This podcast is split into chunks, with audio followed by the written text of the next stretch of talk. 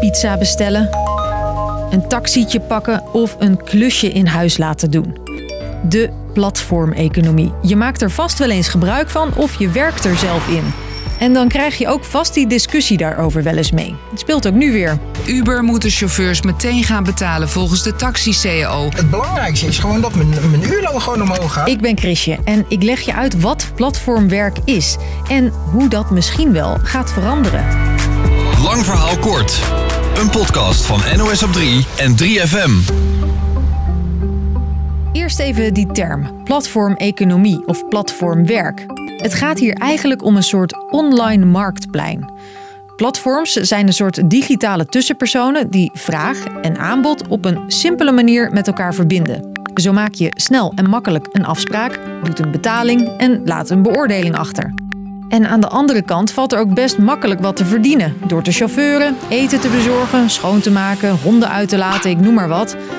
En je hebt veel vrijheid, zegt deze chauffeur. Alle collega's die ik spreek, die ook van de Uber-app gebruik maken, zijn alleen maar blij met de vrijheid die we als zelfstandig ondernemer hebben. En je hebt vaak geen opleiding nodig en kunt snel aan de slag. Bijvoorbeeld als maaltijdbezorger. Het is heel simpel werk, het is lekker in de buitenlucht, het is uh, sportief. Iedereen is eigenlijk blij. De restaurants uh, zijn doorgaans blij als je langskomt. Klanten zijn blij aan de deur. Het wordt ook wel de klusjeseconomie genoemd. Of met een Engels woord gig economy.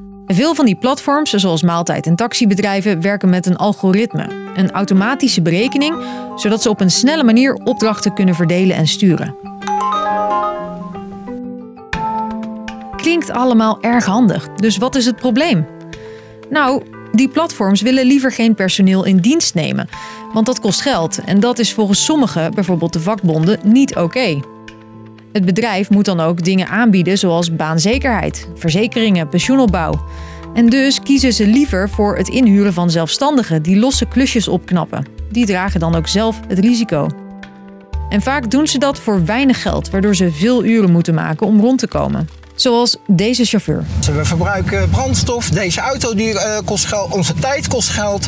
Wat wij niet vergoed krijgen bij Uber. En als je iets overkomt, dan heb je geen poot om op te staan, zegt deze bezorger. Je krijgt niet betaald als je ziek bent of als je een ongeluk hebt gehad. Als je met vakantie wil, uh, zit je zonder inkomen. Als maaltijdbezorger werk je altijd in de avonduren en in de weekenden. En dan krijg je volgens de CAO gewoon toeslagen. Maar ja, die CAO die heb je niet.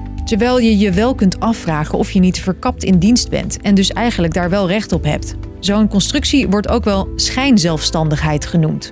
Op papier ben je ZZP'er, maar in de praktijk werk je gewoon voor een baas. Daarom zijn ook verschillende rechtszaken aangespannen tegen dit soort platforms door vakbond FNV. Het geeft eigenlijk aan dat er in Nederland geen ruimte is voor allerlei platformbedrijven die denken dat ze geen werkgever zijn, maar zich vooral verschuilen achter een constructie om maar hun verantwoordelijkheid te ontlopen. Maar volgens die bedrijven willen de meeste werknemers helemaal niet eens in dienst.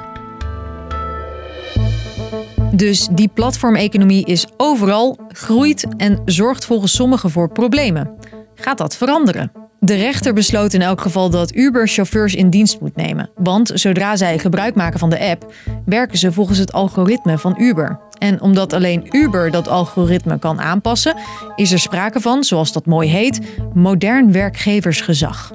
Ofwel, Uber is je baas. En het zal in de platformeconomie op verschillende vlakken uh, consequenties hebben. Denkt platformeconomie-expert Martijn Arets. Ten eerste de platformen die ook echt uh, lijken op hoe Uber opereert. En dat is eigenlijk vooral taxi- en maaltijdbezorging. Ja, die zullen zich zorgen gaan maken. Ik denk heel veel andere platformen die, ja, die werken echt wel via een hele andere manier. Waar je echt wel per sector moet gaan kijken wat de impact is. Bij maaltijdverzorger Deliveroo speelt het dus ook. Zij hebben ZZP'ers in dienst die volgens de rechter ook recht hebben op een arbeidscontract. Wel vorig jaar natuurlijk al de uitspraak gehad bij Deliveroo voor de maaltijdcouriers.